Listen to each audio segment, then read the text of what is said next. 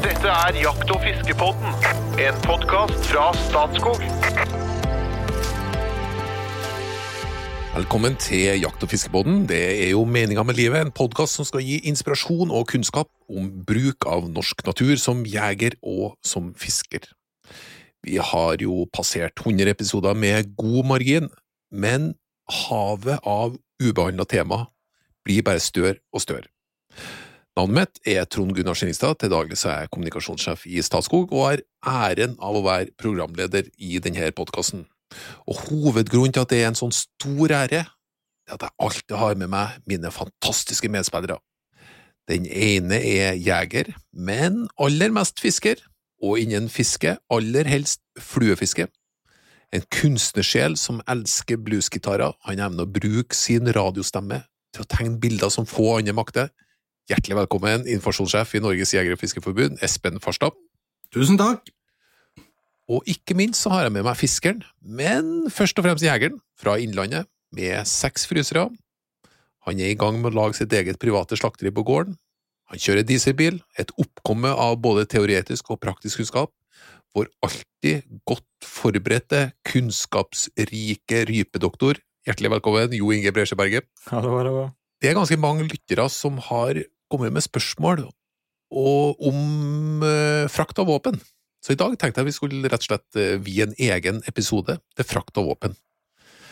Eh, men jeg kan spørre litt deg i utgangspunktet, Espen. Er det knytta mange spørsmål og mange uklarheter knyttet til det innenfor jegerfisk? Får dere mange henvendelser? Ja, altså, jeg, jeg tror ikke det er så mange uklarheter, egentlig, for regelverket er egentlig ganske greit, men, men det er mange som spør. Det er det, og det er mange Jeg syns jo egentlig at disse spørsmålene, når vi får det, er ganske hyggelig å få, for det betyr at folk er litt oppmerksomme. Folk er opptatt av dette. Eh, vi er altså et, et land eh, som ligger helt på topp i verden når det gjelder å ha antall sivile skytevåpen i, i samfunnet. Det er mange våpen i, i Norge, eh, og vi kaller det jo ofte ikke våpen sammenligna med sånn som vi f.eks. har det i USA, hvor det er på en måte litt sånn for å forsvare hjem og, og eiendom. Liksom. Vi har dette som verktøy. Dette er, dette er, våre våpen er som verktøy, eh, og det forsvarer på en måte at vi har mange. Og så er vi opptatt av at det skal være en streng våpenlovgivning når det gjelder håndtering av våpen, oppbevaring og håndtering av våpen. Det er vi for. Det syns vi er bra. Eh, Vi vil kunne stå med rak rygg og si at vi har mange våpen, men vi behandler, bruker disse våpnene som verktøy i noe som er samfunnsønskelig, nemlig jakt og skyting. Og vi oppbevarer våpnene våre på en skikkelig måte, og vi frakter våpen på en skikkelig måte. Og Det opplever vi at veldig mange er opptatt av, og naturlig stiller noen spørsmål. Så prøver vi å gi gode svar. Det, det er jo ganske interessant, eh, ak akkurat det der, da. Bare for å file litt til på det. Så er det vi, er, eh, vi ligger helt i verdenstoppen på våpeninnehav, som Espen Mm. sier. Vi er på topp ti, og det ligger de landene som ligger føres, eh, har litt mindre demokrati og litt andre våpenregler enn det vi har. De fleste av dem, da. Og så lite ulykker og så lite tull det er med våpen i Norge, med så stort eh, per capita våpeninnehav. Og det som Espen sier, det er for konkurranseskuting og jakt, og vi er ansvarlige og, og flinke til å håndtere det, men det er veldig lite tull. Og eh, eh, amerikanere, for eksempel, da, som har, har mest våpen per innbygger, de har jo en helt annen drapsrate, for eksempel, med våpen. Det har jo ikke vi i Norge. Det er jo, det er jo nesten ikke forekommende sammenlignet med det de opplever i USA, da. Så det er nok noe med, som du sier, da, med bruken og oppbevaring, ikke minst. Ja, for nå, jeg tenkte jeg skulle utfordre deg, Jo Inge. For før frakten så har vi en oppbevaring i heimen. Hva er liksom grunnprinsippene for oppbevaring av våpen i heimen? Det at det skal være deaktivert, da, så at det ikke er eh, Hvis det skulle komme på avveie, så er det enten eh, våpenet eller vital del innelåst. Det er jo det som er liksom hoved, hovedgreia. At ikke, ikke et komplett våpen skal komme på avveie og komme i uvedkommende hender, da. Det er jo det som er mm, og da følger jeg selvfølgelig opp en vital del. Ja, altså at um, ja, sluttstykket på refle, for eksempel, eller uh, sleiden på en uh, Eller tunna på en revolver, eller, uh, eller fortreet på ei hagle, da. Forskjeftet. Du kan òg ta, ta bakdelen for så vidt på ei hagle, så vil det være en vital del. Men det er så at det ikke er komplett våpen. Og da, da kan, slik sett så kan du, kan du for så vidt henge eh, refle di på veggen levelig, men da skal da sluttstykket, som da er en vital del, være innelåst da, i et eh, FG-godkjent skap. Altså forsikringsnemnd, vi har egen forsikringsgodkjenningsnemnd i Norge, så, eller tilsvarende, da. Mm. Men du kan ha våpenet komplett inni et låst skap? Det kan du, ja. I lag med da, da, det ammunisjon? skapet som, da er det skapet som er, er eh, sikringa, da. Ikke sant? Mm. Har man gjerne våpen og ammunisjon i lag, eller? Ja, det er lett å oppbevare våpen og ammunisjon i lag, men eh, det er litt andre regler til ammunisjon. Eh, Der er kravet at den skal være nedlåst, så, det, så du kan ha ammunisjon i et vanlig skap så lenge det er låsbart. Eh, Men så lenge du har plass i, i våpenskapet, da, så er det jo det Da er du jo helt innafor og ammunisjon og, og våpen i våpenskapet. Mm. Espen, Mhm. eh, når vi skal ta eh, Frakt av våpen, det, det skjer i veldig mange sammenhenger. Altså, når du skal bruke det enten til trening eller til jakt, så er jo det noe som ikke skjer i heimen. Mhm. Eh, Hva er, hva er det, det viktige å tenke på når du skal forflytte deg med våpen? Altså- kan- ja, Pri én våpenet skal være tomt for ammunisjon. Altså, det, det er liksom eh, Ja, det, og nå ser jeg du Jo Inge smiler litt, liksom, men det, det, ikke sant? Selvføl- for det er så selvfølgelig. Men, men det er allikevel det viktigste, selv om det er selvfølgelig. Så bare for å ha sagt det, det skal selvfølgelig da være tomt for ammunisjon. Så skal det være nedpakket i futteral, eller på annen måte pakka bort. Det skal ikke ligge åpent i bilen. Eh, og det skal ikke være lett tilgjengelig. Så det ideelle er at du putter i, et, i en våpenkoffert eller et eh, riflefutteral, og, og legger det bak i bagasjerommet, for eksempel. Da, da har du på en måte gjort det på helt eh, riktig måte. Det skal ikke ligge synlig i bilen. Så det er, eh, det er måten å gjøre det på når du skal reise på skytebanen eller du skal ut på jakt. Og så mm, Vi må respektere at noen eh, at folk kan være skeptiske til våpen, eller ikke like synet til våpenet. da. Så Ja. vi skal, skal ikke gå rundt og veive og vinke i tettbebygde strøk mer enn nødvendig med dette våpenet. slik sett. Mm, Nei, du skal ikke provosere noen, Ikke og du skal heller ikke friste noen. Altså, Nei, det er ikke noe vits i å legge dette som en verdisak åpent synlig i bilen? Så, så for all del, for alle, av alle grunner, så er det en fordel å gjøre det på den måten. Så, så det er Men så kjører jeg jo til jakt, da. Og så, det er jo i Østerdalen for min del, kanskje, ikke sant? Og så kjører jeg, da stopper jeg jo øh, både her og der kanskje på veien og skal handle litt mat og ulike ting, liksom. Og da da kan du egentlig ikke gå fra Ikke egentlig, du skal ikke gå fra våpenet eh, som et komplett våpen i bilen. Så da må du ta med deg denne vitale delen igjen, da. Putte den i lomma når du går inn i butikken, enten det er sluttstykket eller forsefte. Og det er jo ikke noe big deal, det er jo ikke noe vanskelig å gjøre det. Altså, det, det, det må man bare liksom bygge inn som en rutine. En sikkerhetsrutine. Og, og ikke la det ligge synlig, da. Åpent synlig. Ja. Um, hvis det ligger i, inni kupeen, så vil jeg dekke til våpenet, da. Så det ikke, Mm. ikke frister noen, som Espen sier. Det er vel mest det. At det ikke skal friste noen til å stjele det. Og, da, og, og reglene sier jo at det skal være under forsvarlig tilsyn, ellers så må du ta med en vital del. Da. Og tilsyn Mm. er at du, har, du kan se da, bort på bilen. mm. Så låser, da, ikke minst. Ikke sette bilen i gang eller med nøkla i eller et eller annet. Da låser jeg, da, hvis jeg går tur. Men når du, når du har det slyngende i bilen, hadde jeg nær sagt, hvis du har det i et våpenkoffert, ok, eller futteral, eh, er, er det en fare for at du kan få skader på våpenet? Og at du skjøt litt dårlig? Du som er konkurranseskytter, eh, Jo Inge. Mhm. Hvor ømfintlig er våpnene for eh, slag og Ja, refle er jo et presisjonsinstrument. Altså, ei hagle den vil jo trette litt mer enn ei refle, slik sett, da. Men eh, ei refle er jo, skal jo skal jo borge for presisjon, så, så kan vi ikke drive og, og slå og banke og kaste den rundt. Det er helt riktig. Og den kan jo da påvirkes. Så er det i jaktrefle med kikkertsjekte, f.eks., så er det inne kikkertsjekte som først får det, da. Mm. Og det, det kan nukke med et slag, så kan det ugreie seg.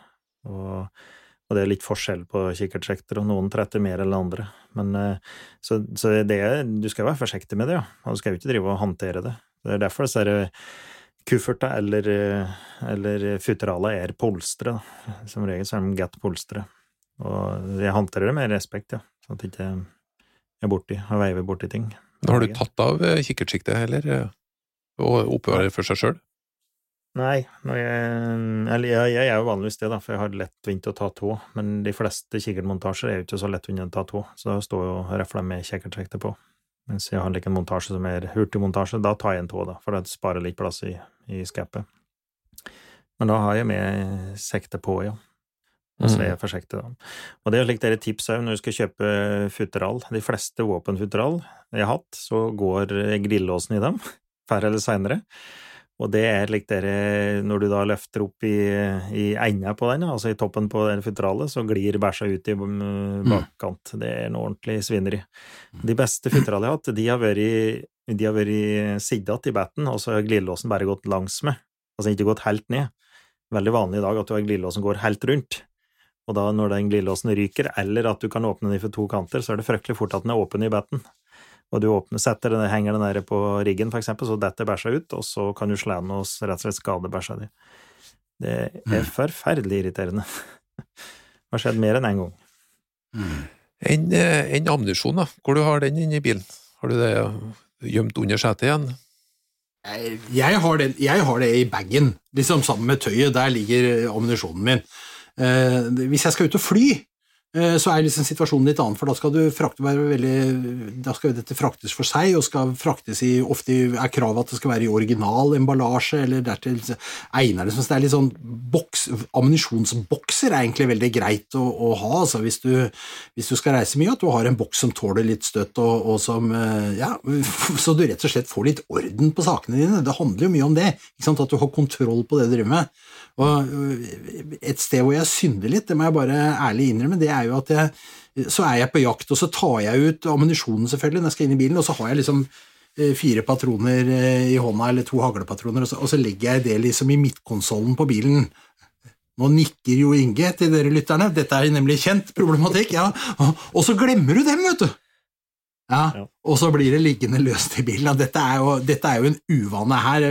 Jeg lover at jeg skal skjerpe meg, og det syns jeg alle andre skal gjøre òg. For det der å ha litt orden på det der med ammunisjon og våpen, det, det er jo et minimum av det man kan forlange når vi er blitt gitt den tilliten av samfunnet som sivilpersoner, å kunne få lov til å reise rundt i samfunnet med, med skarp, eh, ikke skarpladd våpen, men potensielt skarpladde våpen. ikke sant? Så da må, vi, da må vi liksom være oss det bevisst. Men det er fort gjort å sløve her, altså. Ja, det er det. Vi skal ta det på alvor, for jeg, jeg må gjerne rekke opp nevene den som er litt på jakt i løpet av høsten, som ikke har glemt av det, som Espen sier, har tatt ut reflepatroner eller haglpatroner og latt det ligge i bilen. Det, det, jeg er ikke den første til å kaste stein i glasshuset her, altså, for det, det, det har jo skjedd, ikke sant, for de fleste.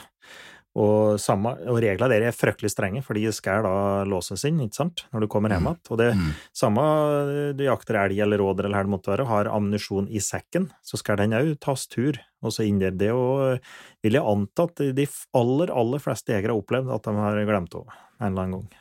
Så. Må, må du ha med noe dokumentasjon? Våpenkort og sånne ting? Ja. Det kan du. Kan, alltid, du kan alltid bli kontrollert eh, under jakta, eller for så vidt utenfor jakta òg. Og det kan jo politiet gjøre, eller Statens naturoppsyn, eller grunneier for den saks skyld, på at, du ha dokumentasjon på at du er ute i lovlig ærend. Så da må du ha det, det jo, Etter hvert så er dette i ferd med å bli digitalt. Heldigvis. ikke sant? Så vi er, vi er inne i en omstillingsprosess nå, så vi kommer til Den digitale jegeren er et prosjekt som Miljødirektoratet kjører.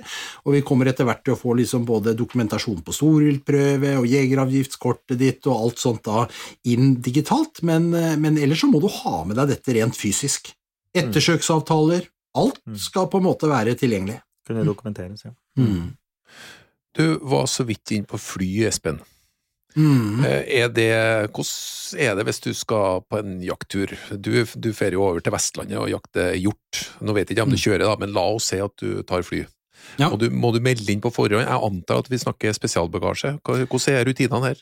Ja, det er spesialbagasje. Du kan møte opp, men da må du være veldig god tid ute i forveien og si fra. Du, det heter seg i hvert fall på SAS, tror jeg er veldig strenge på det. Det kan jo variere litt fra flyselskap, men, men du skal egentlig melde inn dette på forhånd. Eh, Fire timer før, sier de, ja, liksom SAS, da. Mm. ikke sant? Og så skal jo da dette Da skal på en måte rifla di sendes eh, i egen koffert. Eh, og så skal du ha sluttstykket, eventuelt ammunisjon, da i en bag som skal være låst. Så du skal ha en hengelås på bagen din, eller hva det er. Så, så dette sendes separat, sånn at eh, våpenet er uh, ikke uh, funksjonelt. da. Akkurat på samme måten som oppbevaring hjemme, hvor man da tar bort en vital del. Eh, og så blir det jo sendt da som spesialbagasje, og du må alltid stå litt lenger enn alle de andre og vente på bagasjen, for den kommer trillende etterpå. Det er masse hassle rundt dette, her sånn, men, men sånn er det. Vi klarer å leve med det. Men det fins faktisk flyselskaper som nekter å frakte våpen. Eh, Ryanair var vel en av dem, De ikke sant? billigste flyselskapene nekter å frakte våpen, og så er det jo nå fly, eh, altså luftrom som det ikke skal være våpen i. Så jeg vært med og fløyet i- fløy over jeg lurer på noe, over India. ja. Der skal det ikke være våpen i, i luftrommet. Så da, da fikk han som var med da, som kom om, eh, kom om det luftrommet til Hongkong, han fikk problemer når han kom ned, for han måtte forklare hvorfor han hadde med våpen.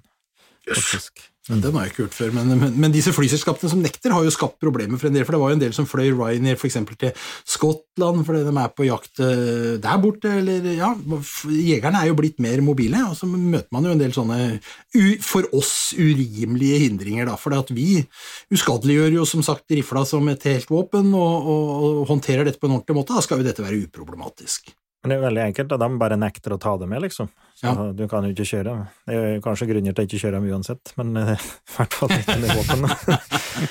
men, eh, Ja. men vi skal heller, eh, altså, som Espen sier, vi er jo flinke og ansvarsbevisste og det ene med andre, og, og det med å ha med våpen i Norge Jeg har kjørt uh, kjempemye med våpen i Norge.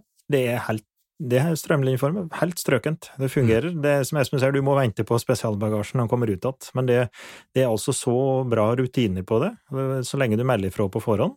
Så er det å gjøre eh, det du skal, da, altså skille, skille våpen og vite all del, så er det der null problem å ha med våpen i Norge. Vært i utlandet, mye verre. Ok, hva skjer der? Alle alle steder vært i utlandet, er mye verre enn i Norge. Ja, I Tyskland kanskje vært noe av det verste jeg har vært i. Der, er- Det står det noen veldig strenge tollere eller politibetjenter når du kommer, og så sier du at du har med våpen, og du har våpenpass, og du har meldt ifra på forhånd, og så skal du ha en formell invitasjon, ikke sant, for at du skal på jakt, det ene med det andre.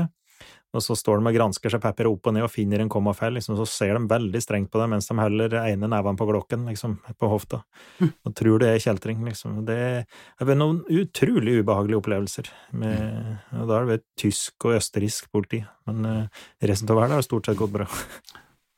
Jeg har aldri opplevd det problemet, så jeg tror det må være noe med framferden din, egentlig. Nei da, det er sant. Men man har jo da etablert et europeisk våpenpass.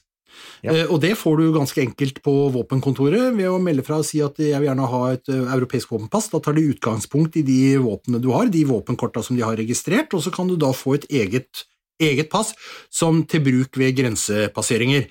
Men med unntak til Sverige, for der gjelder ikke, for det svenskene har ikke godkjent det av en eller annen håpløs grunn. Så det å reise med våpen til Sverige, og det er jo mange nordmenn som gjør, enten det er skogsfugljakt eller rypejakt eller elgjakt eller etter hvert også villsvinjakt, ikke sant? Ja, ikke minst.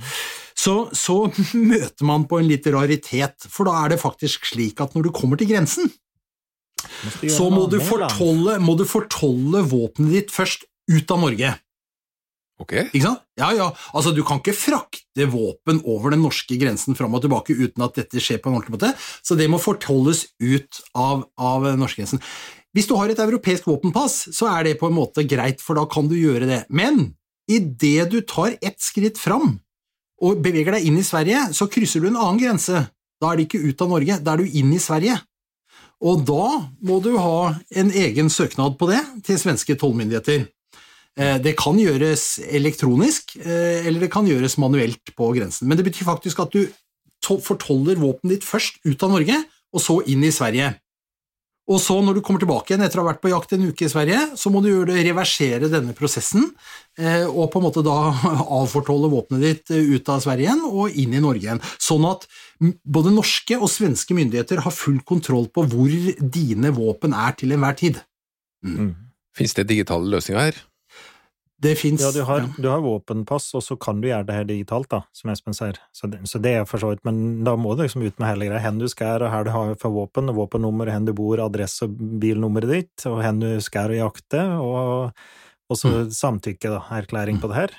Så har du med det skrivet, og når du kommer tilbake, så må du ikke glemme av å av, eh, avregistrere den, mm. den eh, innførselstillatelsen. Jeg, jeg har en kamerat som, Jeg kan si slik at jeg har en kamerat som har glemt det her. Sier du det? Som da endte opp med å ringe til en eller annen toppsjef i eh, toll- og justisministeriet i Sverige for å få unngå å måtte kjøre 80 mil tilbake for å komme til den tollstasjonen som det, dere var stempla inn på. Mm. Han kameraten var veldig redd akkurat da det skjedde, i hvert fall. Men det var veldig ubehagelig, har jeg hørt. Ja, det er litt, det litt, litt klønete, men det er, det er, altså, hvis man bare liksom forstår prinsippet her, eh, og forholder seg til de reglene som er, så er det ganske greit. Et europeisk våpenpass for den norske tollgrensepasseringen, og så den elektroniske registreringen inn-ut eh, på svenske Tullverket sine sider, så, så lar dette seg løse. Så det går an. Alt går, men det er litt sånn Det er litt kronglete å bevege seg i samfunnet og over grensene med våpen og ammunisjon, men, eh, men eh, vi klarer det. Ja. Og det er noe med å sette seg inn i reglene dit du skal, da. Liksom til, Storbritannia er veldig strengt, komme inn. Tyskland har jeg opplevd at det er litt ubehagelig, Østerrike, men de fleste andre land så er det veldig kurant. Når vi bodde på New Zealand, det kunne jo kjøpe våpen, om det så var. Og Danmark er mye, fryktelig mye Danmark-jakte. Slik dere skal du se våpenpasset? Nei, hvorfor skal vi det, liksom? Så lenge du hadde våpenpass, så var det bare å kjøre. Det, så det er veldig store forskjeller, men det det er et tips å sette seg godt inn i de reglene dit du skal, da, før du drar. Her er det bare å gå inn på Jeger og Fisk sine hjemmesider og søke opp Reise med våpen, så kommer det en veldig utførlig beskrivelse av hvordan du skal eh, forholde deg til dette på tvers av grenser osv. Men litt ja, tilbake til det superenkle igjen. Hvis du bor i Tromsø sentrum, så skal du ut til flyplassen så, eh, med buss. Så du skal mm. gå til bussholdeplassen, og så skal du på den bussen, og sånn. Er det, er det en fare for at det blir reaksjoner når man går med et våpen? Er det, bør man skjule det mer, eller eh, Ja, hva tenker dere rundt det? Nei, eh, ja, det er et bra spørsmål, da. For jeg, jeg har jo prøvd det her òg. Og det, jeg har kjørt Jeg drev som konkurranseskytter og kjørt tog. Og så måtte jeg sitte og vente på et tog på Oslo S med våpenfutteral. Det var da konkurransevåpenet mitt. Det tiltrekker seg litt oppmerksomhet, skal jeg love deg. Mm. Det gikk ikke fryktelig lenge for det var noen vektere å komme og hilse på, og så gikk det ikke veldig lenge for det kom nye vektere å hilse på. De så meg tydeligvis på noe kamera, jeg satt der og venta, ikke sant. Mens inn på Gardermoen så går det jo med det våpenet inn i, i kuffert eller futteral, så går det jo inn på, i ankomsthallen, ikke sant, eller avgangshallen. Men, eh, men eh, på buss og toget så er det det, det er vel en av de få reglene som er nevnt i forskriften, at det ikke skal være hylster på kroppen. Og da tenker de først og fremst på, tror jeg, da, på pistoler og revolver og håndvåpen. Og det skal ikke bæres i hylster på kroppen, står det. Og eh, jeg tolker jo dit hen at du fortsatt kan ha bæsjfutteralet hengende på, på ryggen, da. Men, eh, men det, er ikke noe, det er ikke noe forbud mot å ha, ha det med på offentlig transport, slik sett. Enn det vi har nevnt tidligere, da. Prøve å se ut som en skiskytter på vei til et stevne, da, vet du, så går det bra. Ja. Nei, altså, det, vi lever jo med det, men det, er jo, det, det gjør jo ikke noe å dele hagla di og putte den i sekken hvis du skal ut og reise med offentlig transport, så slipper du i hvert fall de der øh, blikka der sånn. Men en, og en våpenkoffert, det syns jeg er helt greit, liksom. Det er litt verre med et riflefutteral som ser litt sånn mm. det, ser, det blir litt mer lifreform, da. Men vi må jo ikke Altså, det er jo fullt legalt, dette her. Vi skal jo ikke gjemme oss bort heller, så det er, ikke, det er ikke sånn at vi skal skjems for å være jegere som reiser på jakt, snarere tvert om. Men, men vi skal heller ikke unødvendig provosere. Det er klart, Her er det forskjell på å bo i Tromsø og skulle reise ut i Ringvassøya med bussen, liksom, eller hva det er, enn det er å bo på Grünerløkka og skal gå gjennom byen med, med, med noe som helt åpenbart er en rifle. Så det, Sånn er det jo bare. Vi må forholde oss til det. Men du har jo ditt Det er jo lov. Ja. sant? Ja. Men så skal vi bare ta Hvis det verste skjer, og våpenet blir sterd, hva skjer da? Hvilke prosesser er det da som settes i gang? Hva i all verden gjør du? Du må jo melde fra til politiet umiddelbart uh, om at dette er stjålet, uh, og, og eh, sånn at dette kommer inn i en prosess. Det er jo ikke din skyld at det er stjålet, uh, sånn at det er jo ikke noe eh, det skal ikke være noe å være redd for det. Altså, nok en gang, Det er helt legalt å ha våpen. Det er mange våpen rundt i samfunnet. Du, hvis du oppbefarer dette etter, eh, etter lover og regler, så, så er det jo bare å melde fra. Altså, du skammer deg jo ikke hvis du får en brannskade på huset og du går til forsikringsselskapet. På samme måte så skammer du deg heller ikke hvis våpenet ditt skulle bli stjålet. Det skjer jo, selvfølgelig, Ja. innimellom. Men du må jo regne med at det blir stilt spørsmålstegn ved om du handler riktig, da. Altså med oppbevaringa di. Hvorfor ble det stølig? Det må du jo regne med. Ja, Og hvis, det- og hvis du sitter med et våpen som er, som er stjålet der det ikke fjerner noe vital del ja, hvis, ja. Hvis du har oppbevart våpenet i våpenskap, så er jo ikke det noe utfordring, for der har du jo lov til å oppbevare komplette våpen, ikke sant? Men hvis er du, hvis, du har, ja, hvis du har satt hagla di bak eh, ytterdøra når du kommer hjem fra jakt, uh, uten, som et komplett våpen, og den blir stjålet, uh, da har du et problem. Ja. Jeg bare lurer på hvor stort er det? Ja, nei, det kan være så stort at du mister, eh, mister retten til å jakte og mister alle våpen. Ja. Ja. Dette, dette tar man alvorlig. Så, så det, er ikke noe, det er ikke noe å tulle med, det der, det der liksom. Så du skal være Altså, de rutinene, det bør ligge i ryggmargen. Du kommer hjem fra jakt, du går rett inn i boden, pusser våpenet og setter det inn i våpenskapet, ferdig snakka. Det er det første du gjør, og så går du opp og kysser på kona eller gubben. Jo, men det For det- mener jeg. det- Dette er, dette er standard, altså. Ja. Ja, og, det, og det er så strengt, da, for du, kan jo, som Espen sier, du kommer ratt ifra jakt, og det er bløtt, og alt er fælt, liksom. Og du skal i- litt seint til middagen, og så er det er liksom ikke noe Du må ha rutinen på det, for det, det er forventa at du da skal sette våpen og ammunisjon inn, låse det inn, da, Mm. når du kommer hjem, eller vital del. Mm. For blir det da stølig, så er det eksempler det, på at folk har mistet alle våpnene sine. da. At eh, Mm. de ikke har tatt de forhåndsreglene der.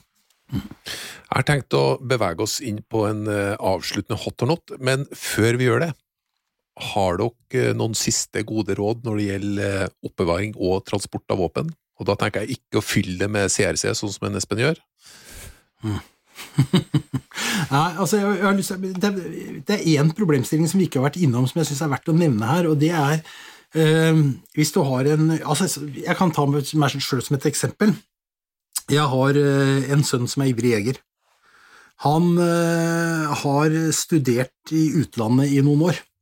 Hva gjør vi med hagla hans da? Det er, han bor ikke lenger, har ikke bostedsadresse hjemme hos meg lenger, han er blitt voksen mann. Eh, han kan ikke ha med seg Han har studert i, i, i Polen, Slovakia og Danmark. Eh, du kan liksom ikke flytte rundt i Europa med, med et våpen på lasset, liksom. Eh, så jeg har, vi har måttet kjøre en sånn der utlånserklæring for seks uker av gangen, eller hva det er, sånn at han på en måte kan ha den hjemme hos meg. Til slutt så har vi nå endt i en situasjon hvor han må selge våpenet sitt til meg, så at jeg står som formell eier, og så får han heller låne det av meg når vi drar på jakt. Det er mye som er litt klønete her, rett og slett. Mm. Men, men jeg er veldig opptatt av at dette skal være innafor lover og regler, så vi, så vi har valgt å måtte gjøre det på den måten. Og det virker kanskje unødvendig klønete. Min Bendik kan altså ikke eie en hagle fordi han eh, studerer i Danmark. Ja, men sånn er det faktisk, altså. Så, så jeg ber folk være oppmerksom på de bitene der, sånn, for at hvis du får noe ettersyn Du kan få ettersyn i våpenskapet ditt, eh, eller det skjer noe i huset, eller du får et innbrudd eller på en eller annen måte som gjør at politiet kommer innom, og det står et våpen der som ikke er registrert på deg, ja, da har du problemer med en gang. Og her er man veldig strenge, og det, det som jeg sa innledningsvis, det er vi egentlig glad for. Vi ønsker et strengt regelverk på våpenoppbevaring i, i et sivilt samfunn. Ja, det er vel noe med det, at vi, vi skal være ansvarsbevisste, og det er, det er strengt, og det er fryktelig strengt til omgivelsene våre, da. Vi som jakter og fisker, nei, jakter og skuter, så det er liksom å forholde seg til de reglene, Mm. og heller sette seg inn i dem, så en veit hva som gjelder, og heller være litt forsiktig enn en skjødesløs, da.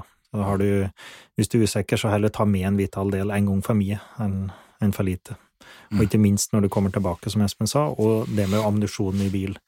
Det ble tatt opp i den der, eh, den ulvesaken som gikk for noen år siden her på Østlandet, så ble det et tema, det med ammunisjon. Det ble da funnet ammunisjon i, i biler til de der som var, eh, som var mistenkt, og, og det ble ansett for å være en eh, fare for samfunnet, da, for folk og samfunnet, at det lå ammunisjon spredd rundt, og det skulle være nok til å, å ta våpenet deres, da. Og så er det en annen, en annen situasjon som også er aktuell, og det er jo under jakt. Eh, Du kan jo dra på jakt med en rifle for å jakte noe rådyr, og så har du med hagla for å skyte noe fugl. Da har du plutselig to våpen å håndtere. Det er lov å ha med seg våpen på hytte eller ubebodd hus, for den saks skyld, eh, uten å ha det i våpenskap eh, under jaktutøvelse. Selvfølgelig er det det, for det, hvis ikke så hadde det ikke vært praktisk mulig. Men det, er det. Men, men det betyr at hvis du setter igjen rifla når du går ut på fuglejakt den morgen, da, så skal du faktisk ta med deg sluttstykket. Ikke sant? Ikke tull med det, da. Nei. Hvis den blir borte, da, som du kan, da har du et problem, ikke sant. Ja. Så det, dette må du tenke på hele tida, i alle sammenhenger. Transport, oppbevaring, transport, oppbevaring. Men er det, er det et stort problem? Altså, er det noe særlig av denne typen våpen som blir stjålet? Litt er jo, men, men, det er lite som blir brukt i kriminelle handlinger, heldigvis. Mm. Men det er jo på en måte, det er jo den positive effekten av det strenge regelverket. Det er jo derfor vi applauderer det. Ja. Mm, mm.